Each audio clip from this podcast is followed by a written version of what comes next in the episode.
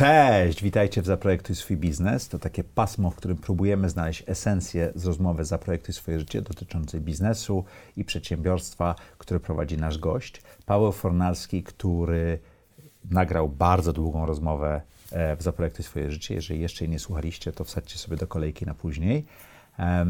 Jest przedsiębiorcą, który od 22 lat prowadzi, czy prowadził, bo w tej chwili jest e, w Radzie Nadzorczej, firmę i przeszedł wszystkie etapy wzrostu i finansowania tej firmy i o tym chciałem porozmawiać. Możemy, Pawle? Oczywiście.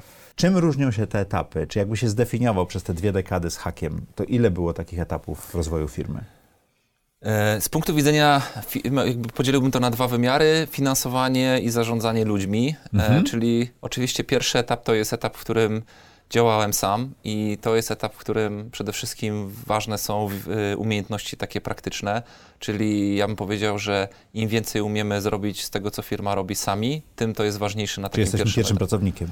Pierwszym pracownikiem, ale nawet jeżeli zatrudniasz pierwszych pracowników, to ważne, żeby w razie ich nieobecności, zwolnienia się i tak dalej, zachować ciągłość firmy. Czyli moim zdaniem bardzo mocno kastruje przedsiębiorców to, że nie poradzą sobie bez swoich pracowników. Ja miałem mhm. zawsze takie podejście, że ja muszę wszystko umieć zrobić w razie czego sam. Może gorzej, ale zrobię w razie czego sam. Czyli to jest ten pierwszy etap? Tak, bo na przykład dla mnie było taką rzeczą, mieliśmy serwery, to była rzecz, której jakby nie do końca potrafiłem zrobić sam, ale nauczyłem się tego, żeby w razie czego, gdyby mój administrator za nie mógł, żeby mógł przejąć kontrolę nad tym serwerem i żeby nie było tak, że jak on mi powie, że się zwalnia, to biznes się rozleci.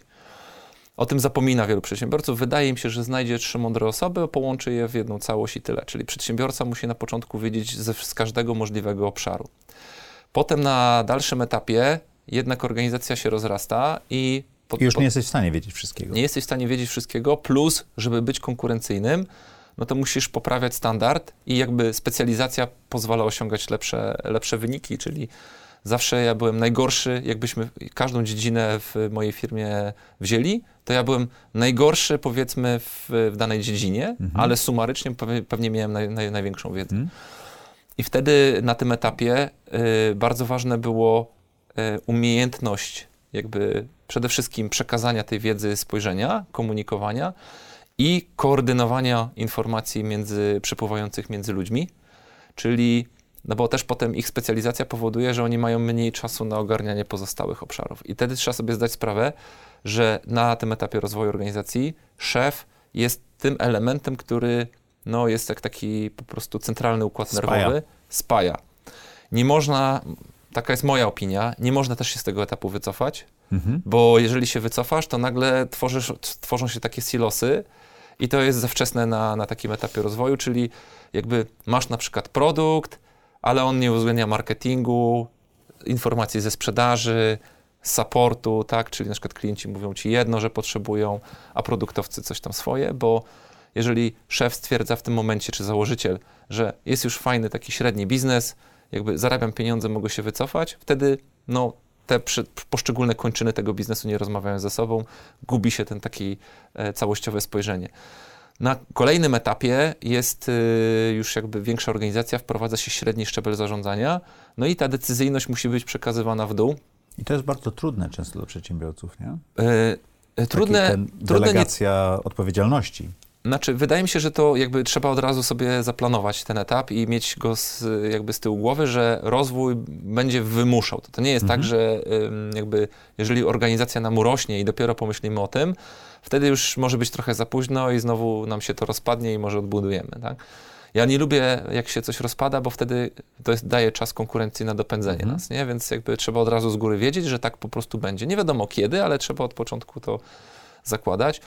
I na tym etapie bardzo ważne jest już, w, czyli to będzie trzeci etap, wyłuskanie pewnej kultury firmy, czyli przede wszystkim co nas charakteryzuje, bo, yy, bo będziemy mieli różnych menadżerów, którzy już mają decyzyjność, Oczywiście będziemy dalej zarządzali pewną strategią i kierunkiem, ale przede wszystkim będziemy musieli y, znaleźć tożsamość firmy swojej. Czyli czym ona się wyróżnia na rynku. Muszą być takie drogowskazy, co firma y, może robić, co nie może. I to musi być w miarę proste, żeby poszczególni menadżerowie stwierdzili, że to robimy, to nie robimy. Tak na przykład są religie zbudowane typu nie jemy wieprzowiny albo w, wielki, w piątek nie jemy mięsa, albo coś mhm. takiego. To są takie proste reguły, typu na przykład my nie robimy takich i takich na przykład zachowań w tej firmie, ale to nie chodzi o takie zachowania typu, nie wiem, nie śmiejemy się z dziewczyn, nie? No bo tego się generalnie nie robi, tylko chodzi bardziej o tego typu rzeczy pod tytułem, czy my na przykład y, w mojej firmie, czy my w ogóle produkujemy oprogramowanie na zamówienie niezwiązane ze zwiększaniem sprzedaży naszym klientom w e-commerce. nie robicie tego. Nie robimy. Czyli trzeba też mieć czas i jakby też, żeby te decyzje były mądre, trochę zapisane w kamieniu. Mi osobiście pomogło i to bym na przykład technicznie po, polecał przedsiębiorcom. Na dosyć wczesnym etapie firmy za, zainstalowałem sobie tak zwane MediaWiki, na tym jest oparty Mhm. Wikipedia. Można sobie ten software ściągnąć, zainstalować i uruchomiliśmy portal wiedzy Wewnątrz firmy. wewnątrz firmy. Nie chcieliśmy takiego publikacji na zasadzie gazetki, CMS-a, że tylko administrator tam to publikuje, tylko jest taki MediaWiki. Każdy może redagować i powstaje taka jedna wielka, duża encyklopedia firmy i na przykład wiele takich rzeczy, które jakby to są moje wewnętrzne przemyślenia, ale potem na zasadzie takich dekretów czy rzeczy, które chciałbym, żeby były zapisane potem, nie wiem, nawet gdyby mnie zabrakło, to mogą sobie ludzie na przykład przeczytać, łącznie z ujęciem historycznym, na przykład jakie wokół na przykład rzeczy my budujemy komunikację, jakie rzeczy są dla nas ważne, nie? I jakby takie kolejne, kolejne warstwy, jak przychodzą nowe osoby, mogą sobie to przeczytać i wokół tego budujesz procesy i to jest ten trzeci etap, w którym szef jest bardzo potrzebny, czyli żeby teraz z tych pierwszych dwóch Budowanie kultury. zrobić esencję tego, co, co wiesz, bo ty jesteś najdłużej, najwięcej wiesz, bo wszystko przez ciebie przepływało i musisz to wyekstrahować, czasami sformalizować. Bardzo dużo pracy będzie w zamykanie tego w pewne procesy i nie można, moim zdaniem znowu, zostawić tego tym menadżerom, bo oni mają perspektywę tylko jednego wymiaru. To ty jesteś jedyną osobą, która ma Mhm. całościowy wymiar. No i czwarty etap, w którym ja jestem jakby całościowo, to już jest sterowanie operacyjne poszczególnych czynności całościowo i już jakby zarządza się tylko kierunkami, jak to się tam w niektórych filmach nazywa, gdzie gra muzyka, tak? Wyczuwa się, obserwuje się, dba się o otoczenie i kontroluje się pracę już ludzi, którzy bezpośrednio podejmują decyzje. No i ty jesteś też w tym etapie wychodzenia z firmy operacyjnie, prawda? To Znaczy ja już etap- wyszedłem operacyjnie, tak? Czyli jest jakby taki etap sukcesji. On, on mniej więcej się zakłada, że w e, dojrzałej firmie powinien trwać około rok, czyli takie przekazywanie tej, tej pałeczki kierownicy gładko powinno rok, czyli mniej więcej te inicjatywy trzeba, ja sobie rozpisywałem na rok do przodu i na początku roku przekazywałem, teraz supportuję zespół, żeby to wszystko odbyło się płynnie, bo to powiedzmy kolejnym etapem będzie przekazanie sposobów, w jaki ja planowałem kolejny rok. Oczywiście zakładam, że może się to nie udać, więc możliwe, że dwa lata będę to supportował, może trzy lata, może cztery. Rezultatem tego etapu powinno być to, że finalnie moja praca będzie zajmowała ułamek tego, co zajmowała. Faktycznie oczywiście ja będę pracował koncepcyjnie, więcej networkingowo, bo, bo to też jest duża ilość pracy, tak, nie wiem, pojechanie na konferencję, zdobycie gdzieś informacji, obserwowanie i tak dalej. A to w audycji Projektu Swoje Życie też mówię, że ty łączysz te kropki bardzo odległe Tak. i tego typu, tego typu aktywności są super ważne, nie? są super ważne i one prawdopodobnie też z punktu widzenia kogoś, kto jest zakapućkany w pracy operacyjnej, by nie nastąpiły, więc jakby ja mojej firmie służę w ten sposób, czyli każdy jakby powinien na odpowiednim etapie, na jednym z tych czterech etapów, odpowiednie talenty wnosić. To zawsze będzie praca pełnoetatowa, tylko ona będzie zmieniała swój charakter. Ale umówmy się, że jak jesteś zanurzony w pracy operacyjnej, to jeżdżenie na milion konferencji nie pomoże Nie, firmie. nie pomoże. To są różne etapy rozwoju i, I firmy, odradzam. i lidera. I tak? odradzam konferencję, jeżeli ktoś nie ma pojęcia, y, co powinien robić, to znaczy, że nie powinien prowadzić firmy, bo jak y, ja zawsze słuchałem klientów i jak mi jeden, drugi, trzeci klient coś powiedział, że czegoś potrzebuje, to ja nie musiałem jechać na konferencję. Mhm. Bo na konferencji ja już się dowiedziałem, że ktoś coś zrobił. To już jest za późno. To po co tam wchodzić, jak on już jest 3 lata przed nami z przodu? Ja też trzeba przede wszystkim poświęcać czas klientom, e, być ot- mieć otwartą głowę, oczywiście challenge'ować to w myśl tej znanej maksymy, że klienci powiedzą, że potrzebują szybszych koni, a wtedy trzeba wymyślić, że oni potrzebują samochodu i trzeba mieć znowu ten swój talent, żeby to jakby tego przedsiębiorcy, który wymyśli tą innowację. Natomiast przede wszystkim wiedzę o produkcie, o rynku, o tym, co należy robić, co należy poprawiać, przede wszystkim trzeba czerpać u swoich klientów i ja uwielbiam rozmowy z moimi klientami i im trudniejsze, jak zawsze klient, jak, który ma najwięcej żali i tak dalej, mówi, ja przepraszam, że panu zawracam głowę, a ja wtedy mówię, nie, ja uwielbiam problemy, bo ja się na nich zawsze podwójnie wzbogacam. Mhm. Bo jakby nie było problemu, to znaczy, że ja tu jestem niepotrzebny, mogę jechać na przysłowiowe Hawaje i leżeć brzuchem do góry. To mówiliśmy o etapach rozwoju lidera i firmy i ludzkich, a finansowanie wzrostu firmy, Mhm. y, bo wy zaczynaliście, no nie z garażu, tylko z, wasze, z, z twojego pokoju y, Mhm. w mieszkaniu rodziców, ale y, przeszliście przez wszystkie chyba możliwe etapy, Tak. poza funduszem VC w międzyczasie, tak? poza funduszem VC, które nie istniały w tamtym czasie po prostu i z tej przyczyny nie. Natomiast w pierwszym, pierwszym momencie tak długo jak się dało akumulowaliśmy kapitał własny, pamiętając o rentowności I przedsięwzięcia. to było prawie 10 lat, nie? To było tak, pra, prawie 10 lat, więc y, całkiem daleko nam się udało dojechać, bo na wycenę na giełdzie mieliśmy w momencie y, debiutu na poziomie 50-60 milionów złotych. Mhm. Teraz te wyceny wydają się osiągalne prędzej, ale wtedy to był... To był... Znaczy, na dzisiejszą, że tak powiem, samej relacji pieniądza, to ja bym powiedział, że to jest mniej więcej wycena 100 milionów złotych, na Mhm. dzisiejsze 150 może milionów. I ja tak jestem przekonany, że mniej więcej do 100 milionów wyceny, może kilkudziesięciu milionów, można w miarę e, bez jakiegoś pomostowego finansowania dojechać, bo też powiedzmy, e, znowu, jeżeli ma się biznes rozwiązywania problemów, to za rozwiązywanie problemów klienci powinni płacić. I na przykład jak ja buduję produkt nowy, to ja robię go w następujących etapach. Czyli mam tak, pierwsze to jest taka inspiracja i mi kli- klienci, ja wy- wyznajduję pewien wzór w zachowaniach klientów, że tu jest problem. Mhm. Na rozwiązaniu problemu mam rozwiązanie, ale bardzo wcześnie ustalam, czy klient by zapłacił tyle i tyle za rozwiązanie tego problemu. I dopiero dla mnie następnym etapem jest zbudowanie pewnego prototypu i znowu upewnienie się, że klient jest gotowy za to płacić. I na przykład w moim e, systemie iDoSell na przykład, czy iDoBooking jest tak, że my robimy tak zwany pilotaż. Czyli mówimy klientowi, słuchaj, zbudowaliśmy taki taki moduł, on na razie jest niedoskonały, ale ty musisz od początku za niego płacić, ale powiedzmy, dobra, damy ci na razie trzy miesiące, nie wiem, gratis czy coś takiego. Czyli klient od pierwszego dnia wie, że musi być krytyczny i powiedzieć, czy ten, to co my mu dostarczyliśmy, tą wartość, ona jest warta tych pieniędzy. Jeżeli tak i jest problem replikowalny na innych klientów, znaczy, że ma świetny, gwarantowany, że tak powiem, zarobek.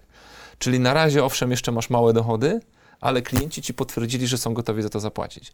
Moim zdaniem super e, ryzykowne jest budowanie produktu, nie charge'owanie za niego albo nie przedstawianie klientom tego, co będzie, ile on będzie kosztował i liczenie na to, że ten soft jakby wypali. To jest na przykład w, wiesz, w softach open source'owych często zjawisko, że najpierw twórcy wypuszczają open source za darmo, Potem on się tworzy bardzo dużym, popularnym systemem i nagle robią forka tego kodu i próbują za niego charge'ować. Wiele z tych pomysłów się nie udaje, Mhm. bo klienci się przyzwyczaili, że ten soft jest za darmo. A nagle, kiedy mieliby płacić, to wcale nie są tego gotowi Nie- zrobić. Nie, niekoniecznie jest dla nich to tak użyteczne. No albo na przykład okazuje się, że wolą użyć dwóch innych produktów albo coś tam. Więc Mhm. dla mnie zawsze kluczowym etapem przy budowaniu produktu jest ustalenie jego ceny. I dopiero kiedy masz cenę, czasami jest odwrotnie. Jak się buduje, projektuje produkty, produkty, to na przykład się mówi, projektuję komputer do 1000 dolarów, Mhm. tak? albo drukarkę, która musi się zmieścić mi w 300 zł, bo musi być super tania. Mhm. I tak dalej. Wtedy projektujesz to od razu pod cenę. Czasami jest tak, że jeżeli wymyślasz coś innowacyjnego, to musisz sprawdzić cenę. Jeżeli cenę oczywiście zakotwiczysz i rośnie jego użyteczność w czasie, czy okazuje się to być sukcesem, możesz podnosić tą cenę. No ale od początku masz wizję tego, że skalowanie tego produktu nie doprowadzi cię do ruiny. I teraz przez akumulację kapitału włas- własnego na tym etapie bootstrappingu e, można już dojechać do jakiejś skali, kiedy łapiesz trakcję, wtedy jest czas na finansowanie. Bo wtedy już jakby idziesz do inwestora i mówisz mu, słuchaj, mam już tam, nie wiem, 15, 50, whatever klientów, płacą tyle i tyle, zdiagnozowałem taki popyt, jest taki adresowalny rynek, potrzebuję twoich I, mam, pieniędzy. I prawdopodobnie mam taki trend, to też pomaga w wycenie, tak? Bardzo szybko jesteś w stanie na dobrych warunkach zamknąć transakcję i faktycznie y, na tym etapie będzie po prostu nieodpowiedzialne zostawianie na akumulację kapitału własnego, dlatego że to już będzie etap, w którym inni przedsiębiorcy zauważą, o, jest fajny system, ma już 50 klientów, ale bardzo wolno się rozwija, nie domaga, nie nadąża zaspokajać popytu i tak dalej, i tak dalej. zrobię coś podobnego Zrobię coś lepszego. podobnego lepszego. Byliście na giełdzie. Czego nauczyło was to doświadczenie? Giełda New Connect. Tak, gieł, giełda jest bardzo fajnym sposobem finansowania e, przedsięwzięć, e, natomiast e, przede wszystkim nauczyło nas tego, że uplasowanie kolejnej emisji jest super trudne. Coś, Mhm. co powinno być benefitem z giełdy, czyli Firma rośnie, potrzebuje tak. nowe akcje wypuścić, żeby dostać nowy kapitał. Dosyć trudno to robić. Dodatkowo też jest tak, że e, inwestorzy wcale nie czytają raportów. Mhm. To też mnie nauczyło, czyli wydaje się, że się pisze raporty i, i ludzie tym żyją i tak dalej, i tak dalej. Nie, nie żyją. Następna rzecz jest taka, że mm, spółka giełdowa powoduje, że tak naprawdę te raporty głównie czyta e, konkurencja. Mhm. I my zawsze, jak pisaliśmy raporty, mój wspólnik akurat je pyta, e, Sebastian, pisał, to ja zawsze, on mówi, dobra, to teraz to przeczytaj jak konkurent i powiedz, czy to wyczytujesz. Potem wręcz się bawiliśmy w taką zabawę, żeby, bo wiedzieliśmy, że tak naprawdę inwestorzy tego nie czytają, więc pisaliśmy to takim językiem, żeby wyprowadzić konkurencję na manowce, a żebyśmy, dla inwestorów to i tak nie miało znaczenia, nikogo nie wprowadzaliśmy mhm. w płon. Więc y, ogólnie, no jakby giełda nie działa tak, jak wszyscy myślą. Czyli zadziałała, jeżeli chodzi o to pierwsze finansowanie, ale tak. potem te y, korzyści były dużo bardziej przytłumione, tak? Tak. Ja myślę, że giełda w naszym przypadku była za wcześnie i my jakby wyszliśmy w ogóle z giełdy z super reputacją, bo e, weszliśmy z ceną 2,55, wyszliśmy z 27,50. Mhm. E, I wszyscy inwestorzy, ze wszystkimi inwestorami się rozliczyliśmy fair, bo mhm. w momencie, kiedy ściągaliśmy firmę z giełdy, każdy inwestor dostał, e, było wezwanie do, jakby do sprzedaży i zapłaciliśmy za tą akcję tyle i tyle. Nie kombinowaliśmy z kursem, bo są takie rzeczy, że znaczy, były takie, powiedzmy, firmy, które na przykład próbowały kombinować, coś obniżać kurs, y, mhm. właśnie typu na przykład zwiększając inwestycje tuż przed y, ogłoszeniem skupu i tak dalej, i tak dalej. Przepuszczając plotkę w rynek, tak? tak? Nie, my mieliśmy z inwestorem wynegocjowaną wycenę i dokładnie tą wycenę przełożyliśmy na, na akcję. Też wiele osób właśnie takich, które znają się na rynku giełdowym, dziwiło się, że tak aż etycznie do tego podchodzimy, ale ja uważam, że e, rynek gieł, gieł, znaczy giełda będzie dla nas kolejnym etapem życia. Po prostu my za wcześnie na nią trafiliśmy. Mhm. I dla firm dojrzałych, kiedy już jest to za duży, e, za duży byt, żeby private equity sfinansowało wykup akcji i też nie ma już takiego odpowiedniego lewara na mnożnikach, no to znaczy, że, czyli jakby mamy business angel, czy tam seed business angel, venture capital, może jeszcze y, pre-PE, a potem mamy private equity, czyli to już jest inwestor finansowy, który nam jakby na jednych mnożnikach wchodzi. E... Czyli wy poniekąd y, fundusze VC za, zastąpiliście New Connectem w pewnym momencie. Tak, to, tak upraszczając. Tak, tak, tak upraszczając, można tak podsumować. A czym się różni inwestor taki jak duży fundusz private equity, który no już nie inwestuje w taki venture, czyli to niepewność, tak. tylko raczej w pewny biznes? Przede wszystkim y, oczekuje profesjonalizacji firmy i pewnych mhm. procesów, ale oczywiście widzi, e, no bo znowu, na, jakby to jest fundusz, który będzie stosował pewien lewar. Czyli on musi mieć wiadomo, że firmę troszeczkę niedojrzałą i e, przede wszystkim patrzy na to, że firma ma sprawdzony model, faktycznie teraz wrzucenie dużej ilości pieniędzy go wyskaluje, ale też będzie oczywiście wiedział, że profesjonalizacja procesów, czasami sukcesja też, bo e, founderzy często gęsto są postrzegani jako, jako zły omen w firmie, bo znaczy, mhm. że, że dalej firma istnieje tyle lat, czy ma taki rozmiar, mhm. są nie, niezastąpieni do jej prowadzenia. I to my, my, mieliśmy na przykład komunikowane przez fundusz, że, że tam powiedzmy do exitu powinniśmy wyjść, e, wyjść do rady nadzorczej, mhm. żeby byli profesjonalni menedżerowie, bo będzie to źle postrzegane przez kolejnych jeszcze większych inwestorów, którzy już płacą wiele miliardów, a dalej founder jest niezbędny, żeby ten biznes kulał, tak? Znaczy, że coś mhm. jest nie tak z, z tą firmą. Dlatego jakby my mieliśmy to już jakby ułożone i to, to, to jest etap profesjonalizacji procesów. Wtedy wiadomo, że spada efektywność tego biznesu, no bo się śmialiśmy, że żeby mnie zastąpić, to fundusz musiał zatrudnić z 20 osób. Z różnych specjalizacji, każdemu płacąc mhm. duże pieniądze. No bo jakby to jest ten etap profesjonalizacji. Spada wydajność, bo jakby rozrasta się struktura, zmniejsza się efektywność i tak dalej, i tak dalej. To kosztuje, ale... Każda następna osoba to jest każdy łańcuszek komunikacyjny, który się rozszerza. Tak, no muszą powstać nowe procesy, podejmowanie decyzji mhm. i tak dalej. To wszystko zmniejsza efektywność, nie oszukujmy się, tak? Jak do mnie wpadało dwóch ludzi do pokoju, słuchaj, mamy problem, 15 minut było rozwiązane. Teraz mhm. jest, jest to dużo bardziej złożone, ale z drugiej strony taka struktura będzie pozwalała zaabsorbować kolejne 300 i 600 i 900 osób. Mhm. Ze strukturą pod tytułem jeden founder, który podejmuje decyzję. Niestety by tego po prostu nie było, bo doba ma 24 godziny, nawet jakbym nie spał, to bym się z tym nie wyrobił. Dlatego jakby ten proces musi wejść i spada efektywność. Private equity jest potrzebne też do tego, żeby to udźwignąć. Jeżeli już jest spółką giełdową i chce się teraz ponosić inwestycje, to albo te inwestycje się rozłoży w bardzo długim czasie, albo będzie to postrzegane źle przez inwestorów, kiedy A trzeba private będzie... equity jest ok z tym, że kwartalne tak. wyniki są słabsze, jeżeli mamy konkretny cel. Private prawda? equity e, inwestuje na dany horyzont. W zależności też od e, private equity, tutaj mała rada, bo są dwa rodzaje funduszy, takie evergreeny i powiedzmy z góry z określonym czasem. I to warto też się upewnić, sprawdzić.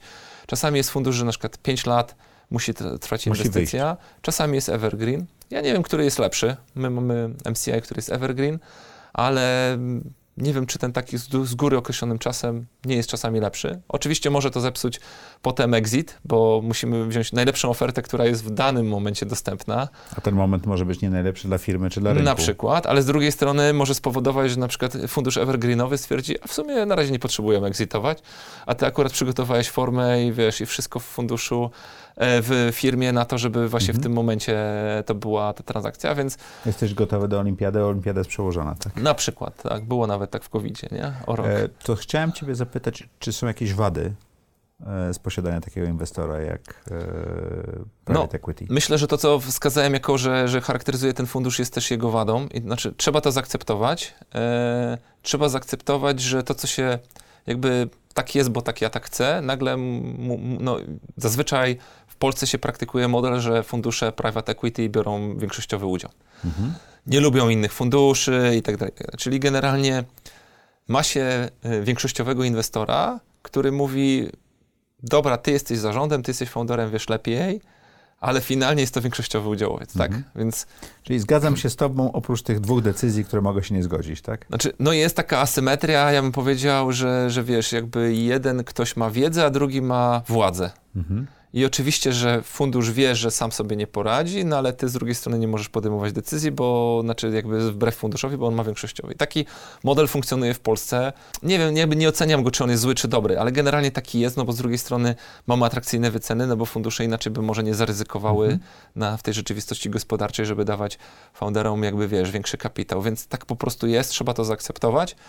No i to jest też pewnego rodzaju wada, bo czasami pewne rzeczy, które byłyby oczywiste i by się zrobiło, wykorzystało, trzeba ludzi przekonać. Z drugiej strony zaletą jest jakby mm, też jakby jak się to zaakceptuje i ma się oczywiście inteligentnego partnera, szczególnie portfolio menadżera, bo, bo to fundusz funduszem, ale potem się pracuje z jakimiś konkretnymi ludźmi. I czasami może być tak, że fundusz jest fajny, a ten portfolio manager jest ograniczony umysłowo i po prostu tak to będzie wyglądało, no to y, trzeba go przekonywać. Oczywiście y, taka gumowa kaczuszka też może być wartościowa, bo y, na przykład tłumacząc jemu coś, możesz też od razu, wiesz, kilka złych decyzji już wyeliminować, nie? Mhm. Więc jest wszystko bardziej skomplikowane, ale ma to też jakby swoje zalety i mi się wydaje, że jest po prostu inaczej, nie? To jest jakby, na pewno jest inaczej i nie, jakby jeżeli ktoś zakłada, że będzie tak samo, tylko będzie miał dużo kasy na koncie i firmę doinwestowaną, to się rozczaruje. Jest po prostu trzeba założyć, że to będzie kompletnie inna rzeczywistość. Paweł, to teraz takie ostatnie pytanie, może trochę tendencyjne, ale z punktu widzenia przedsiębiorcy, który 22 lata prowadzi tą samą firmę, 20 5-6 lat jest w biznesie mhm. e-commerce'u. Który z tych etapów był najbardziej ekscytujący dla Ciebie? Pierwszy. Budowanie firmy. Budowanie firmy. To dlatego masz fundusz i odpalasz nowe startupy? Poniekąd tak, bo na tym pierwszym etapie bardzo szybko widać efekty swojej pracy. Mhm ale przede wszystkim jest duża sprawczość i mi na przykład to sprawia satysfakcję. Ja lubię wiedzieć, jak coś działa, rozumieć, nawet jak w domu mi coś instalują skomplikowanego, to ja proszę, żeby mi wytłumaczyli, jak to działa, jak, tym się, jak to się programuje i tak dalej, i tak dalej. Lubię mieć to poczucie kontroli, tak, taki mam po prostu charakter i w tym pierwszym etapie ma się po prostu większe poczucie tej kontroli. I z drugiej strony nie trzeba też e, myśleć jeszcze o skali, o tym pragmatyzmie, no bo tryskam pomysłami, energią, a z drugiej strony ten pragmatyzm, lepiej zbudować większy rynek dla istniejącego produktu niż zbudować nowy, no jakby finansowo ma sens. Ale moje serce już by poszło w nową, nową zabawkę, więc jakby dla mnie fajniejsze są te gadżety. Oczywiście, gdyby nie, gdybym nie był rozsądny i nie zbudował skali, no to bym nie miał możliwości dzisiaj budowania zabawek, więc tak jak mówię, nie oceniam, że jakiś etap jest lepszy czy gorszy, tylko ten daje mi większą frajdę. Dziękuję Ci ślicznie za tę rozmowę. Dzięki. Jeśli nie byliście jeszcze na Zaprojektuj swoje życie i nie widzieliście rozmowy z Pawłem, e, to serdecznie Wam polecam. Warto. I widzimy się jak co czwartek o czwartej.